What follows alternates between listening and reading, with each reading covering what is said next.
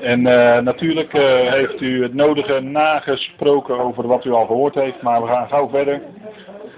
De tegenstander, de tegenstander hebben we laatst voor de pauze gezien, wordt uit de hemel geworpen op de aarde. Michael, er komt oorlog in de hemel. En Michael die zorgt ervoor dat de Satan op de aarde wordt geworpen. En dat zal markeren de helft van de jaarweek van Daniel 9. Maar dat is een hele bekende waarheid die u denk ik al lange tijd weet. Dus we gaan verder. En natuurlijk vragen we ons af wie is de verachter in deze tijd van de jaarweek. Hè? Wie, uh, dat we zeggen, wat bedoel ik daarmee? Uh, hoe zal hij optreden in die tijd van de jaarweek? Hè? Wie is het? Daar hebben we al eens eerder over gehad. Um, maar hoe zal hij optreden? Wat zal hij doen in die tweede helft van de jaarweek? Hè? Want we hebben net al gezien, hij zal zich verheffen boven elke God, of al wat God genaamd wordt of voorwerp van verering heet, zegt Paulus in 2 Thessalonicense 2.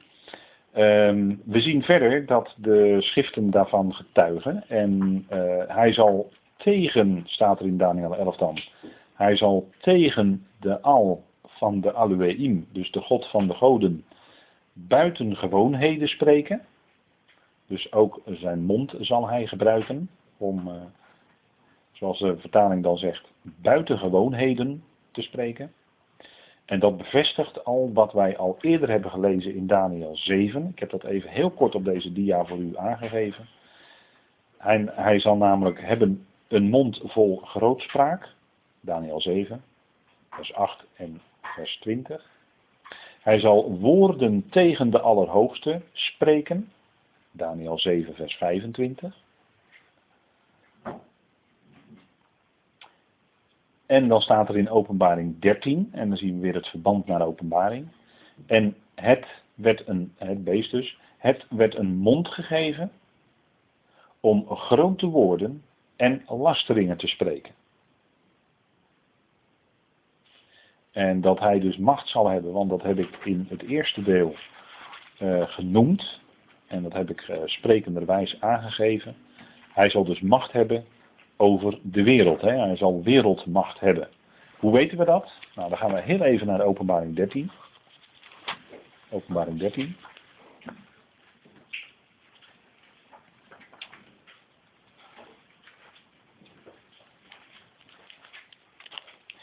En daar gaan we even heel kort bij stilstaan, want wij zullen mogelijk nog in de toekomst uh, hier ons wat uitvoeriger mee gaan bezighouden, het boek Openbaring. En er staat er in Openbaring 13 vers 7, en daarin wordt de wereldmacht van het beest aangegeven. En het werd gegeven om oorlog te voeren tegen de heiligen. Dat is wat wij ook al in Openbaring 7 zien staan hoor. En om hen te overwinnen. Dat komt omdat de draak hem grote macht en kracht geeft. En hem werd macht gegeven over elke stam en taal en volk. Zie hier de wereldmacht van het beest. Ja, ziet u? Hier ziet u het staan. Hè? Hem werd macht gegeven over elke stam, taal en volk. En dit wordt verder ook uh, bevestigd in uh, openbaring 17 openbaring 17, de uitvoerige beschrijving als het gaat onder andere om Babel. Uh, openbaring 17. Dan wordt uitgelegd het beeld wat gezien is. In vers 15 bijvoorbeeld, de wateren. En hij zei tegen mij, de wateren die u gezien hebt, waaraan of waarop de hoer zit, zijn volken, menigten, naties en talen. Dus die hoer, die afvallige vrouw die op, dat, die op de rug van het beest zit, hè, zo opent het uh, beeld hier, dat is eigenlijk, uh, dat zijn eigenlijk het afvallige Israël. Die wordt dan voorgesteld door een afvallige vrouw, het afvallige Israël dus. En die blijkt dan inderdaad dat beest te bereiden. Dus als je op een, op een beest rijdt, dan betekent dat ook dat je dat beest in beheerst. Hè. Als je op, op een paard zit en je hebt de teugels, beheers je dat paard. Dus als er op een beest zit en je bereidt dat beest, dan beheers je dat beest. Nou, dat is het beeld. Hè? En uh, dat is wat hier dus aangegeven wordt. Um, want er staat die wateren, er worden dan gesproken over wateren, wordt hier uitgelegd Dat zijn volken, menigten, naties en talen. Dus hier wordt de wereldmacht van dat beest en die vrouw die op dat beest zit uh, aangegeven. En uh, eigenlijk is dus die macht, die wereldmacht, hebben we gezien, heeft te maken met de macht van uh, zeg maar de financiële elite. En die zullen dan ook dat beest als het ware voorzien van zijn macht, dat we zeggen voorzien van financiën. Dat is eigenlijk het beeld. Hè? Dat is, en zo zien we dus weer een koppeling tussen wat we in Daniel lezen, en dat zullen we nog lezen, zien we een koppeling tussen Daniel en openbaring. Nou goed. Wij gaan terug naar uh, Daniel. En daar staat, hij zal succes hebben. In Daniel 11, vers 36 zitten we inmiddels. Hè? Daniel 11, vers 36. Want we zijn nog steeds bezig te spreken over de loopbaan van de koning van het noorden. En in vers 36 staat dan, hij zal succes hebben in de concordante tekst, totdat de gramschap voleindigd is, want het bepaalde zal worden gedaan. Dus hij zal succes hebben, hij zal voorspoedig zijn, hij zal zelfs de heiligen overwinnen. Hij zal zelfs zoveel macht hebben dat hij in staat is Israël te overwinnen. En dat zal hem, die macht zal hem gegeven worden door de draak. En vanzelfsprekend weten wij dat God, de God en Vader van onze Heer Jezus Christus, de ruimte daarvoor geeft. Want als die dat niet zou doen, dan zouden ze die ruimte ook niet hebben. Uiteraard, dat is altijd voor ons de uiteindelijke diepste overweging. Uh, maar in Daniel 7 staat zelfs, de, dat ziet u op de dia, hè? hij zal succes hebben tot de gramschap voleindigd is. Ziet u de pijl naar beneden. Daniel 7 vers 25, daar staat het. De heiligen van de Allerhoogste zal hij te gronden richten. Zij zullen in zijn hand worden overgegeven. Zoveel succes zal hij hebben dat hij zelfs de heiligen, dus Israël, hè, zal kunnen overwinnen. Op wonderlijke wijze zal hij verderf aanrichten, het zal gelukken, hij zal doen, machtigen zal hij te gronden richten, ook het volk van de heiligen, door zijn sluwheid, zal hij het bedrog onder zijn hand doen slagen. Daniel 8, vers 24 en 25. En ook daar zien we bevestigd wat hier staat in Daniel 11. Hij zal succes hebben tot de gramschap voleindigd is. De gramschap is dan de gramschap over ook het volk. Hè? Dus dat even als onderliggende toelichting bij dat, die korte uitspraak in Daniel 11, vers 36. Want je moet altijd schrift met schrift vergelijken.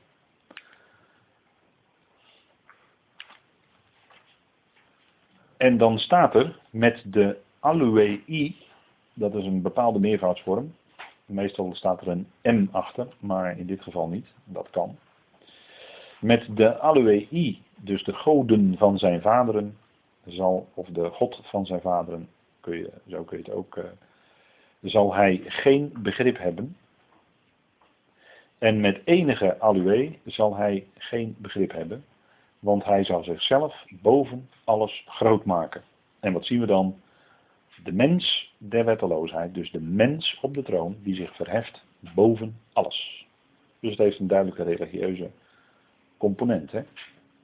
Dit is natuurlijk politiek, maar hij zal zich boven alles groot maken. Dus met enige God zal hij, dus met Alue, zal hij geen begrip hebben. En dus hij zal de God van Israël ook niet erkennen. Daar zal hij geen begrip voor hebben. Hij zal zich boven alles groot maken. De vraag is altijd of het een Jood is, ja of nee. En ik moet u eerlijk zeggen dat ik het antwoord daarop schuldig moet blijven. Ik weet het niet. Het zou kunnen, het zou ook niet zo kunnen zijn. Of misschien doet hij zich voor. En dan zit je wel in de synagoge van de Satan. Dan zal hij zeggen dat hij een Jood is, maar hij is het niet. Dat is de synagoge van de Satan. Hè? Openbaring 2 hebben we vorige keer ook gezien. Openbaring 2 en 3. Zij die zeggen dat zij Joden zijn, maar zij zijn het niet.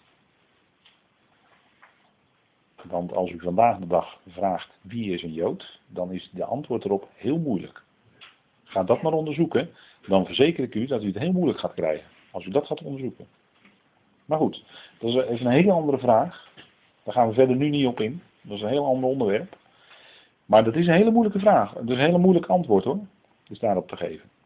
Maar in ieder geval, in de openbaring hebben we een handvat. Dat de, de synagoge van Satan is dan, in die tijd, is dan Degene die zeggen dat ze Joden zijn, maar ze zijn het niet. Dat is, dat is echt moeilijk. Die hele kwestie. Maar goed, de mens op de troon boven alles, dat is het kenmerk van de tijd. Hè? De mens verheft zich boven alles. Dat is dan allerhande omhanden in de wereld natuurlijk. Hè? En dan staat er van hem, en met de begerenswaardigheid van de vrouwen zal hij geen begrip hebben.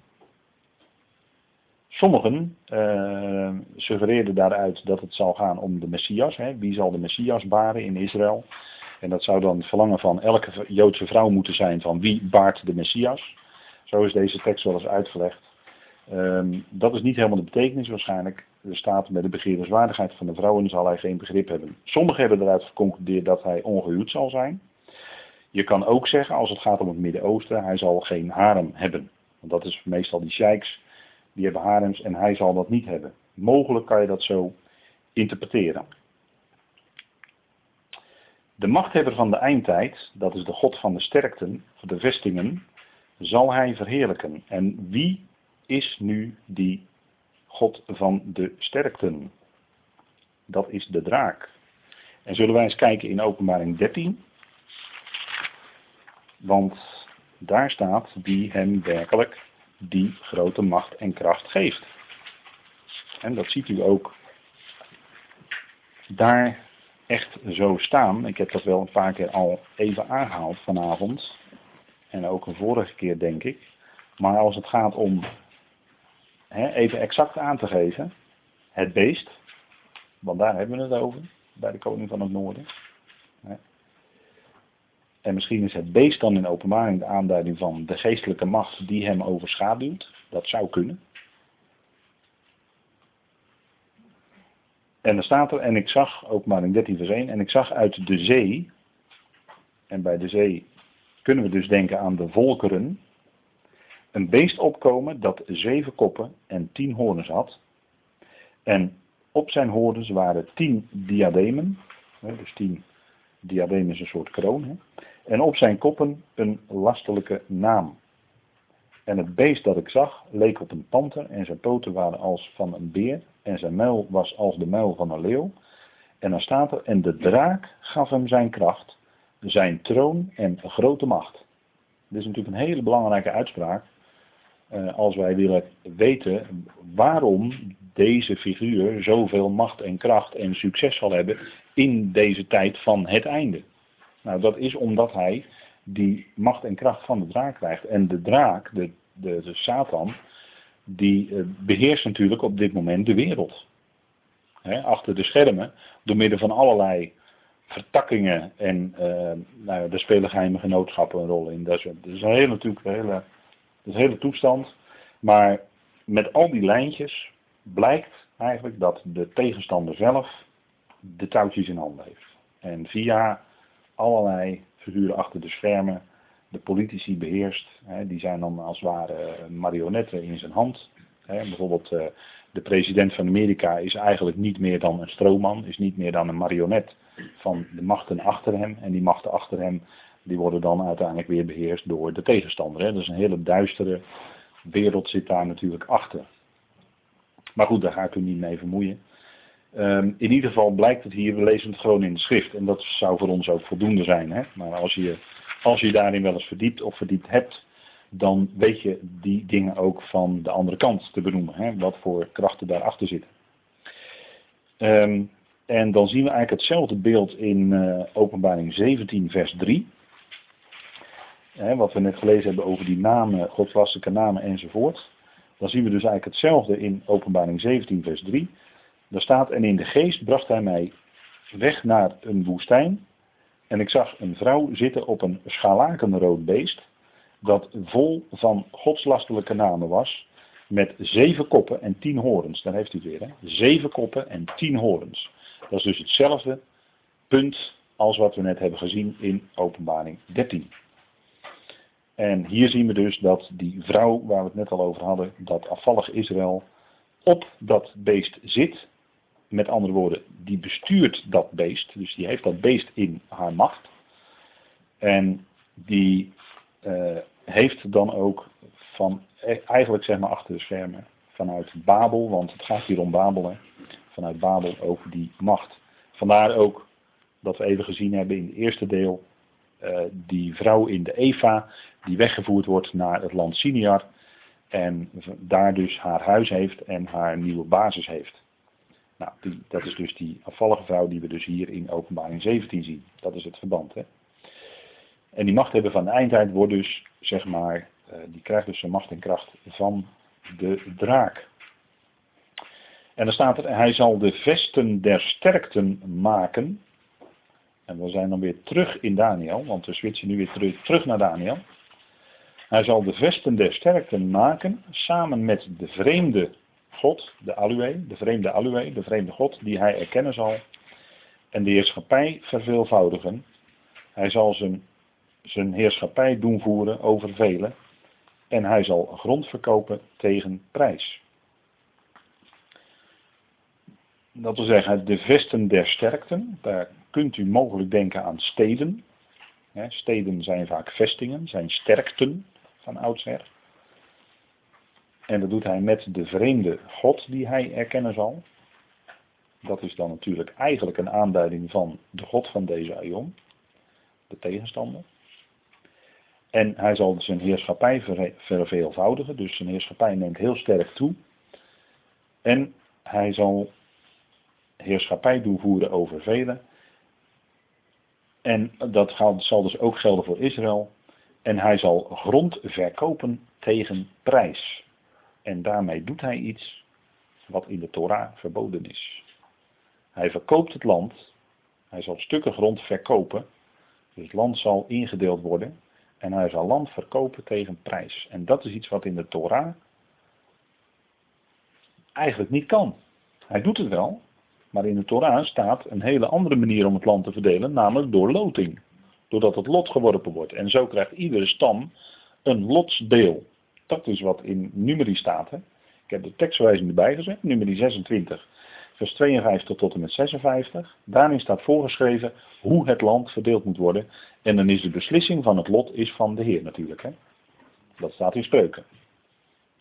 Spreuken 16 meen ik. De beslissing van het lot is van Yahweh. En dat heeft ook te maken met de verdeling van het land. Maar wat zal hij doen?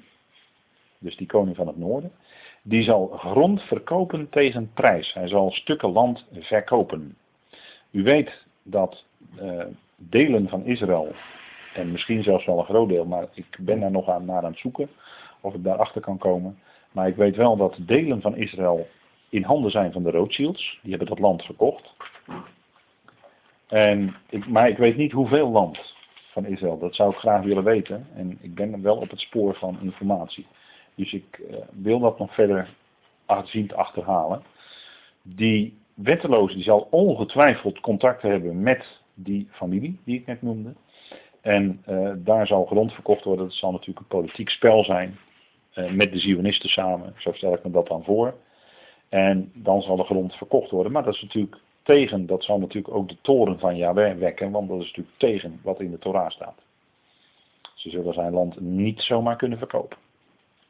Want het zal verkocht worden natuurlijk aan de vijand, hè, aan vijandige volkeren. Het zal niet ten goede komen dan aan Israël. Dus hier doet hij iets wat ook weer, hij doet eigenlijk alles wat tegen de Torah ingaat. Dat zou ik eigenlijk wel zeggen.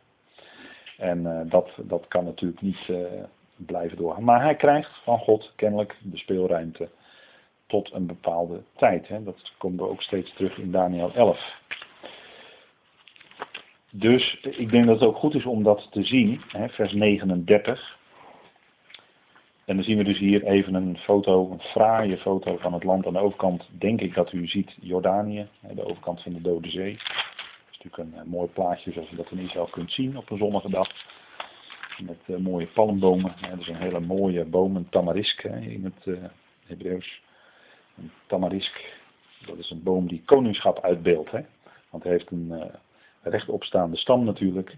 En een mooie kroon. Een kroon van bladeren. Tijd op koningschap. Denkt u dan maar eens aan de naam Tamar. Ja? Maar goed, daar gaan we ook niet verder te diep op in. En dan komt er nog een confrontatie Noord-Zuid. En dat is de laatste van de drie. de laatste van de drie confrontaties, Noord-Zuid, dat is als de koning van het zuiden zal uh, opstomen zeg maar, tegen de koning van het noorden. Vers 40 staat dat. Daniel 11 vers 40. En er staat, en in, de, in het tijdvak van het einde zal de koning van het zuiden hem, dat is de koning van het noorden, met hoornen stoten. De koning van het noorden zal op hem aanstormen, want die heeft inmiddels hele grote macht, met wagens en met ruiters en met vele schepen. Hij zal in de landen komen, hij zal ze overstromen en doortrekken. Nou, overstromen met legers. Hè? Dus hem zal een enorme legermacht ter beschikking staan om die koning van het zuiden de definitieve les te leren van je moet nu voor altijd aan mij je gehoorzamen. Uh, verzet je je tegen mij, nou dan zie je wat er gebeurt. Ik uh, ga op je af en ik uh, zal jou de les leren, de les lezen. En zo zal hij dan op hem aanstormen, hè, de koning van het zuiden. En we hebben hier wel een kleine aanwijzing, misschien, als je het vergelijkt met de volgende verse, dat hier het zuiden niet per se Egypte hoeft te zijn. Veel uitleggers denken dat het zuiden Egypte is, maar dat hoeft niet.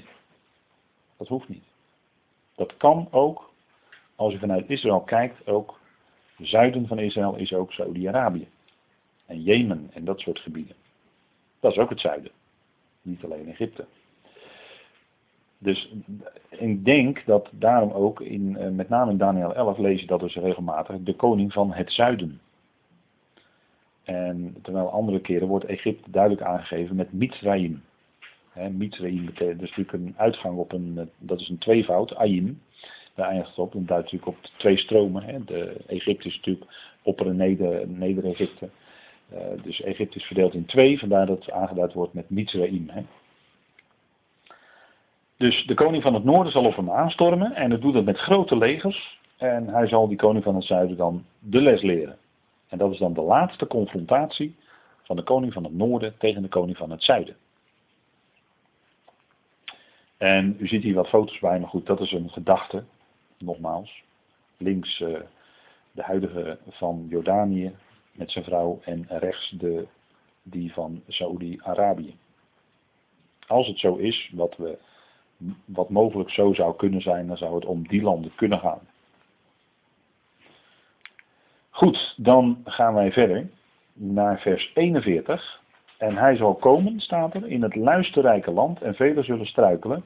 Deze zullen zich uit zijn hand bevrijden. Edom, Moab en de aanvang van de zonen van Ammon. Het luisterrijke land, het wordt in andere vertalingen ook het sieraadland genoemd. Dat is Israël. Het sieraadland is Israël, hè? het luisterrijke land.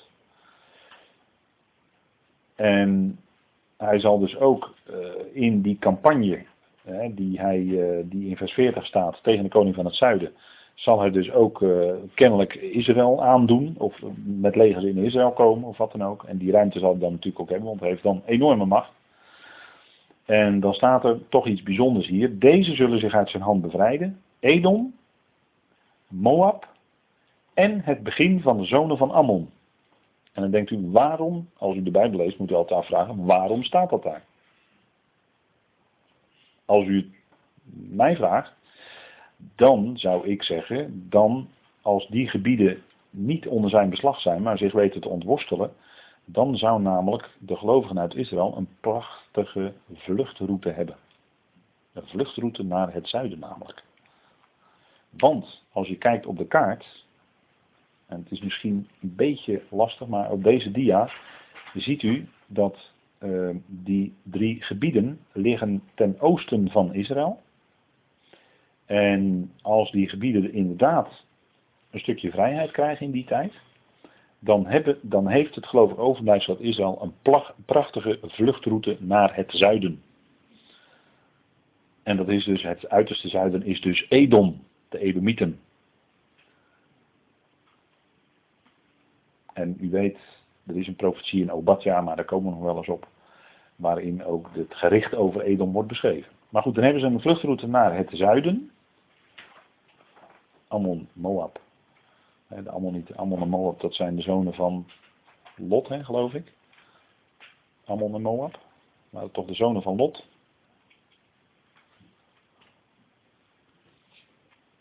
Kijk even rond naar de kenners die dat, uh, die dat weten. Maar de zonen van Lot, mogelijk, als ik het goed heb. En dan Edom is natuurlijk uh, Esau. Hè? Esau is Edom, dat weet u. Dan hebben we dus de oude controverse Jacob tegenover Esau. Edom is Esau, Esau is Edom.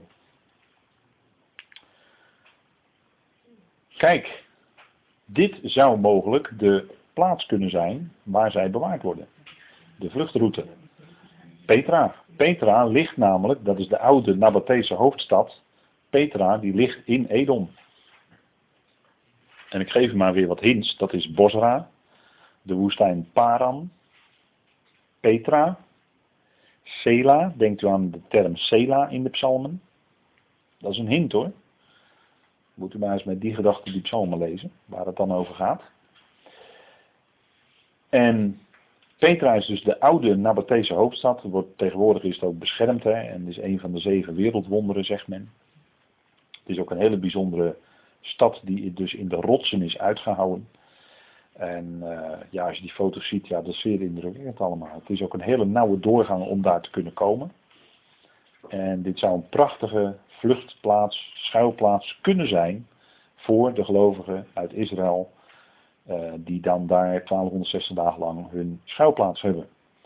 En, want er staat in Matthäus 24, vers 16, als, die, als het beeld van het beest wordt opgericht, dan zegt de Heer, laat het dan, zij die in Judea zijn, dus op die helft van de jaarweek, vluchten naar de bergen. En dit is een bergachtig gebied, onherbergzaam, bergachtig gebied. Rots, hè. Sela betekent ook rots. Petra betekent ook rots. Alleen Petra is het Griekse woord en Sela is een Hebreeuws woord.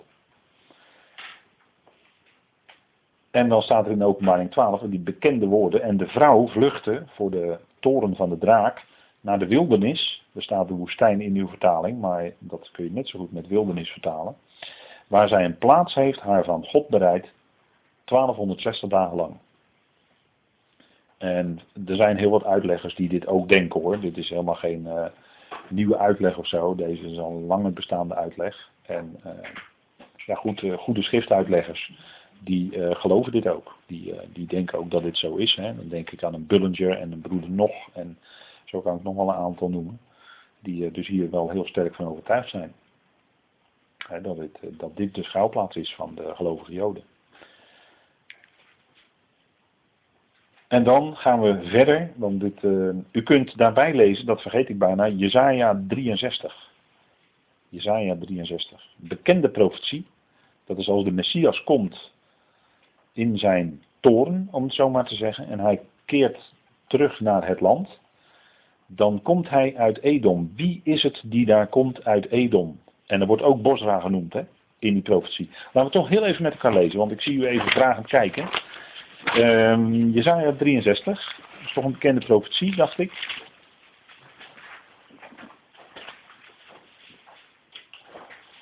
En dan is het, gaat het dus om de toren van het lam, hè? de toren van de Messias. Die uh, inderdaad uh, vergelding zal doen, rechtvaardige vergelding. Dan wordt het ook waar wat, uh, ook wat Paulus zegt in, in, in Romeinen 12. Hè? Uh, mij komt de wraak toe, ik zal het vergelden, zegt de Heer. dus als je vijand honger heeft, geef je hem eh, te eten. En als je vijand dorst heeft, geef je hem te drinken. Je vijand, hè? Let op, hè? Je vijand. En dan zegt Paulus daarbij, want mij komt de wraak toe, ik zal het vergelden, zegt de Heer. En dat is een aanhaling uit Deuteronomium 32. En dat gaat dan gebeuren, in die tijd wat we nu gaan lezen. Wie is deze, staat er dan in Jezaja 63 vers 1, die uit Edom komt. Uit Edom in helrode kleding uit Bosra.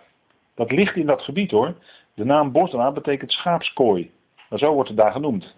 In Edom. In die oude Nabatese omgeving. Die luisterrijk is in zijn gewaad. Die voortrekt in zijn grote kracht. Ik ben het die spreekt in gerechtigheid. Die machtig ben om te verlossen. Waarom is dat rood aan uw gewaad? En is uw kleding als iemand die de wijnpers treedt? Ik heb de pers alleen getreden. Er was niemand uit de volken met mij. Ik heb hen vertreden in mijn toren, hen vertrapt in mijn grimmigheid, hun bloed is op mijn kleding gespat, heel mijn gewaad heb ik besmet, want de dag van de wraak was in mijn hart, Het jaar van mijn verlosten was gekomen. Ik keek rond, maar er was niemand die hielp. Ik ontzette mij, want er was niemand die ondersteunde. Daarom heeft mijn arm mij heil verschaft en mijn grimmigheid die heeft mij ondersteund. Ik heb de volken vertrapt in mijn toren. Ik heb hen dronken gemaakt in mijn grimmigheid. Ik heb hun bloed ter aarde doen neerdalen. Dit is de toren van de Messias. Die komt en er zal laten zien dat hij de God van Israël is. Maar dan komt hij wel in de dag van de wraak. Dan is het de dag van de wraak inderdaad. De heer Jezus las dat toen niet in die synagoge, maar hier is het wel aan de hand. En eh, dit is dus wat hij dan gedaan heeft. En dan komt hij naar Jeruzalem toe. Dan heeft hij de volken dus verslagen. Komt hij naar Jeruzalem toe. En in zijn gevolg is dan dat gelovig overblijfsel. Want hij komt uit Edom. Hij heeft ze daar opgehaald. Uit Edom, uit die schuilplaats. En dat gelovig overblijfsel is dan in zijn gevolg. Dat, die trekt, hij trekt dan als het ware voor hen uit naar Jeruzalem toe. Als de verlosser, als de ware bevrijder, als de ware Messias. Zo zal het gaan in de toekomst. Hè. Dit zegt de profetie. Dit zal ook gaan gebeuren zo. Dan is er geen houden meer aan. Want dan komt hij zelf. En dan gaat hij zelf orde op zaken stellen daar. En dan is er inderdaad geen houden meer aan. Dan kunnen legers zich gaan verzetten. Maar hij zal door zijn macht zal hij hen teniet doen. En hij zal dan ook de wetteloze, zegt Paulus, teniet doen door de adem van zijn mond. Door wat hij spreekt. Door de uitspraken die hij doet. En uh, ja, hij hoeft maar één woord te spreken. En dan is de tegenstander, dan is de valse Messias buiten werking gesteld. Natuurlijk. Hè, dat is de macht en kracht van zijn woord. Nou, met die kracht die zit hier ook achter. Dit zal gaan gebeuren, hè, Jezaja 63. Dit zal na die 70ste jaarweek van Daniel gaan gebeuren. En we keren nog even terug naar Daniel 11 voor de laatste verse. Hij zal zijn land, hij zal zijn hand in de landen zenden vers 42. En het land van Mitzraim, let op, hè, hier wordt dus niet gezegd het zuiden, maar hier wordt gezegd Mitzraim. Dus hier hebben we een aanknopingspunt, mogelijk, dat als het gaat om de koning van het zuiden, dat het niet om Egypte gaat. Want hier wordt gezegd Mitzraim, dat is Egypte. En het land van Mitzraim zal niet tot bevrijding worden. Dus uh, die zal, daar zal geen ontkoming kunnen zijn voor de Joden, zij zullen naar Edom, zij zullen in Edom zitten in uh, de schaapskooi. Eigenlijk een mooi beeld, hè, de schaapskooi. Um, dus Mitzrayim zal niet tot bevrijding worden, vers 42.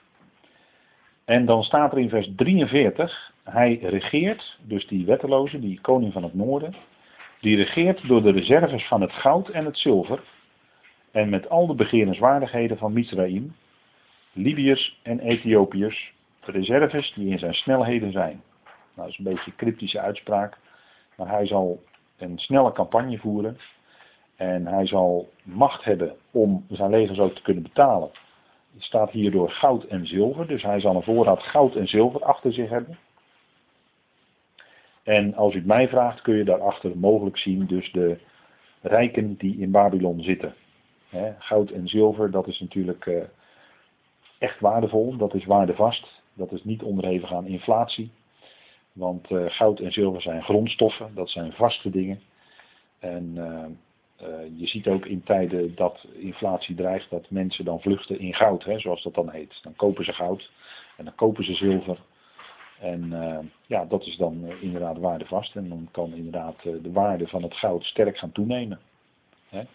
In een zekere periode, nog niet, een niet zo heel lange periode is dat gebeurd is een 1 ounce goud gegaan van 500 dollar naar nu ongeveer 17, 1800 dollar. dat is ongeveer nu de prijs van 1 ounce goud. En de verwachting is dat het nog veel verder gaat stijgen, de prijs. De verwachting is dat het naar 3, 4, misschien wel 7000 dollar per ounce gaat stijgen. Maar dat gebeurt dus in tijden van inflatie. En uh, goed, dat, uh, economen zijn er allemaal verdeeld over. En dat, omdat, die, omdat die verdeeldheid er is, ja, heeft geen enkele zin om daar nu iets over te zeggen. het gaat hierom in dit verband dat die wetteloze dus achter zich zal hebben goud en zilver. De reserves, hè? dus dat zegt, daar zie ik dan Babylon achter, hè? de rijkdom van Babylon. Die hem zullen steunen met geld. En ehm, met al de beginnerswaardigheden van Mizraim, hè, met de schatten die daar zijn, eventueel het goud wat daar nog ligt. En Libiërs en Ethiopiërs, daar is, daar is mogelijk ook goud te vinden, dat weet ik even niet. Reserves die in zijn snelheden zijn. Hè. Dus uh, hij zal daar, misschien duidt het op de snelheid van zijn campagne, kan misschien ook duiden op de snelheid van waarmee hij dat ter beschikking heeft. Dat, dat geld, die, die, uh, die, die weelde. En dan hij regeert door de reserves van het goud en het zilver. En ik heb hier nog even een plaatje eraan gewijd. U ziet hier dus onderin wat Amerikaanse soldaten en die bevinden zich dan op dat moment heel even in Babylon. Hè? Babylon is helemaal niet verwoest hoor in de golfoorlogen. Dat hebben ze keurig buiten schot gehouden. Letterlijk buiten schot gehouden. En uh, die, dus die stad die al onder Saddam Hussein herbouwd is, de stad Babylon, die is dus nog gewoon intact. Daar is tijdens die oorlogen heel weinig, voor zover ik weet, is daar nauwelijks iets van beschadigd of verwoest. En dat moet ook zo zijn, want in de eindtijd gaat die stad natuurlijk een grote rol spelen. Dus dat kon ook niet dat die verwoest werd. broeder Nog zei al in de jaren twintig dat hij schreef broeder Nog al dat Babylon herbouwd zou worden. En 50 jaar later ging het ook gebeuren. Maar dat deed hij op basis van Bijbelse profetie. En 50 jaar later zagen we ineens, 50, 60 jaar later ineens, inderdaad de herbouw van de stad Babel. Dus daarin zien we dus de vastheid van Gods woord en de vastheid van de profetie. Daar kun je op verlaten en het is een kwestie van tijd dat het vervuld gaat worden. En Babylon heeft natuurlijk dan inderdaad in die tijd het koninkrijk op of over de koninkrijken van de aarde. Vergist u zich niet. En dan staat er in vers 44, en dan zijn we een beetje aan het einde van deze avond, meldingen vanuit de zonsopgang en vanuit het noorden zullen hem schrik aanjagen. Hij zal uittrekken in grote razernij om velen te verdelgen en op te offeren. Dus er komt een enorme confrontatie. En ik geef het u even mee ter overweging. Dat uit het, uit, uh, er zal een engel losgemaakt worden bij de Uifraat. En dan zal er een leger op de been komen van 200 miljoen man. 200 miljoen. En het enige land in de wereld die dat op dit moment kan is China. Dat is gewoon heel duidelijk. En hier wordt gesproken over de zonsopgang, dus het oosten. Dus mogelijk is hier, zit hier een verwijzing in naar openbaring 9 vers 16 waar dat beschreven staat. Moet u maar eens nalezen. En misschien wordt dat een confrontatie. In ieder geval zal het uitmonden in wat in openbaring dan genoemd wordt Armageddon. Het dal van Megiddo. Har Megiddo, Armageddon. Daar zullen al die legers verzameld worden. Verzameld worden natuurlijk voor de strijd, maar er wordt niet gesproken over strijd. Als het gaat om Armageddon in openbaring. Er wordt alleen gezegd dat de legers daar verzameld worden. Er wordt niet gezegd dat daar strijd geleverd wordt. Even scherp lezen.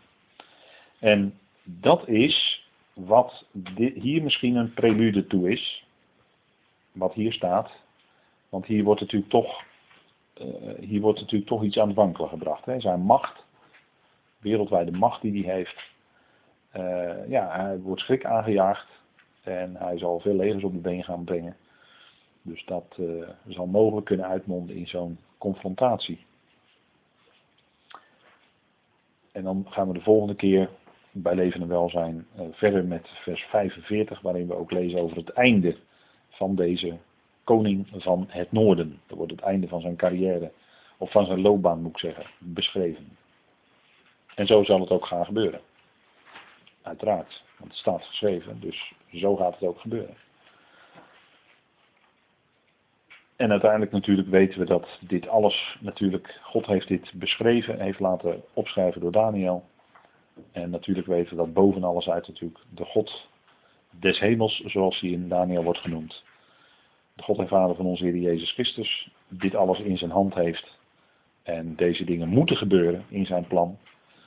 Uh, om dus heel sterk te laten uitkomen wie hij is. En ook om de kracht van zijn gezalfde, hè, van onze Heer Jezus Christus, te laten zien. En dat zal natuurlijk ook gebeuren in die tijd van het einde, als het koninkrijk daadwerkelijk ook over Israël en van daaruit over de volkeren opgericht gaat worden.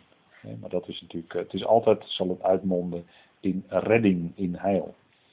Dus het is een grote crisistijd die uh, zit tussen de derde en de vierde aion. Dit is de grote crisistijd en het zal uitmonden natuurlijk in de komst van het koninkrijk onder de Messias Jezus. Nou, daar gaan we naartoe en daarin verheugen wij ons. En Lucas, uh, in Lucas zegt de Heer ook tegen zijn volk, verheugt u, hef je hoofden op, gelovigen uit het volk, verheug je, want je verlossing is nabij. Dat zullen zij dan ook kunnen doen tegen het einde van die tijd. Hè. Ze zullen de dagen dan ook kunnen tellen, die 1260 dagen. Goed, ik wil het hierbij laten en wij zullen afsluiten met een dankgebed. Vader, wij danken u dat we ook vanavond hier bij elkaar konden zijn en ons konden verdiepen in de verdere bewoordingen die Daniel uitsprak over de koning van het noorden. Vader, en we zien in de lijnen van de profetie hoe zich dat alles af gaat spelen. Het is een heel profetisch beeld wat ons voor ogen komt. Vader, en dank u wel voor de mogelijkheid dat wij een nauwkeurige vertaling tot onze beschikking hebben, zodat wij heel dicht bij de bedoelingen van uw oorspronkelijke tekst kunnen komen. Vader, en daar willen we heel nauwgezet naar luisteren. Dank u wel dat we dat ook vanavond hebben kunnen doen met elkaar. Dank u wel dat dat ons hart ook verheugt, want we zien dat het zal uitlopen op de terugkeer van uw zoon voor zijn volk. En dank u wel dat wij als gelovigen van het lichaam van Christus een geweldige eerdere verwachting hebben. Een verwachting waarin wij weggerukt zullen worden bij de bazuin van God. Zoals Paulus dat mocht openbaren in 1 Thessalonicense vader. En wij zullen dan de Heer gaan ontmoeten in de lucht. Vader, niet zoals uw volk op aarde, als hij komt en zijn voeten zal zetten op de olijfberg. Maar wij zullen hem eerder gaan ontmoeten in de lucht. Vader, daar zien we naar uit. En we danken u dat wij in die verwachting mogen leven. Die verwachting dat die tijd aanstaande is. Vader, wij weten niet het jaartal, wij weten niet de dag, maar wij weten wel dat het nabij moet zijn. Dat kan niet anders. Als we alle ontwikkelingen zien, Vader, dan kan het niet anders. Dan is die tijd aanstaande. En daar verheugen we ons in. We zien daar naar uit. We leven in die verwachting dat uw zoon ons komt redden. En vader, we danken u voor dat heil, voor die heerlijkheid. Die niet alleen over ons, maar ook over Israël en de volkeren geopenbaard zal worden. Vader, we danken u. We zien er naar uit. En we danken u dat u ons hart verheugt. En dat wij altijd, hoe dan ook, wat er ook gebeurt, in uw hand veilig geborgen zijn. Wij kunnen nooit uit uw liefde vallen, Vader. U heeft ons vastgeborgen in uw hand. We danken u daarvoor. We danken u voor uw trouw en goedheid, voor uw liefde, voor uw barmhartigheid en genade. Vader, u overlaat ons daarmee dag aan dag. Vader, en dank u wel dat juist ook hen die dat zo nodig hebben, dat beseffen, dat ervaren, dat u draagt.